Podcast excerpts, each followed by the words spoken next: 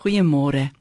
Wanneer ek in die oggend gaan stap, dan loop ek dikwels my buurman raak en dan sê ek môre buurman, dis darem 'n lieflike dag vandag. En dan antwoord hy: Elke dag is 'n lieflike dag. En so maak my buurman dan dat ek elke dag met verwondering kan begin. Waaraan kan ons ons vandag verwonder? Kom ons verwonder ons vandag aan die mense om ons, die mense saam met wie ons werk, die mense saam met wie ons leef, die mense wat ons toevallig raakloop, die mense wat ons moet raakloop. Die mense tussen wie God ons geplant het. En kom ons kyk wat is reg met hulle en nie wat is verkeerd met hulle nie. Jesus het hom so aan mense verwonder. Mense wat na God se beeld geskape is, maar gesukkel het om regtig daai gesig te wys. Jesus maak hulle gesond, hy nooi hulle om te begin loop, hy vra hulle om op te staan uit 'n dooie lewe. Kortom, Jesus sien wat reg is met mense. Hy gee hulle hier op aarde reeds 'n nuwe lewe. Jy weet, ons weet nie altyd van die swaar kry wat mense in hulle saamdra nie. Miskien is die man wat by al die vroue om hom aan lê eensaam omdat 'n vorige verhouding se pyn nog steeds by hom bly.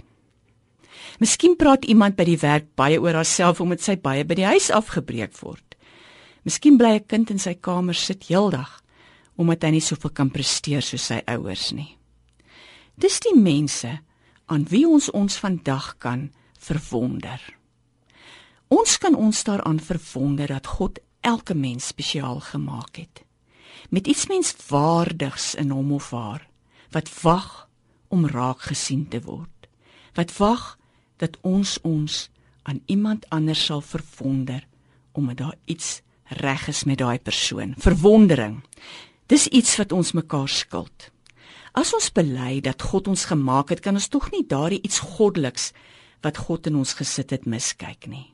Maar verwondering kom nie van self nie. Dis iets wat ons moet aanleer. Wanneer die taximan voor jou begin agteruitry en jy moet uit sy pad uitspat, as die vrou daarvoor maak dat jy lank in 'n ry moet staan, dis dan wanneer die lesse in verwondering begin. Maar dit is so die moeite werd om die dag so vanuit die verwondering in te gly. Om die dag te begin en te weet dat jy iets in ander mense gaan kry wat jou opgewonde gaan maak. En dan kan ons ook bid. Here, laat ons ons vandag verlustig in die goeie in mekaar. Want dit maak ons vry om mekaar te geniet en u beeld in mekaar en in onsself te sien. Amen.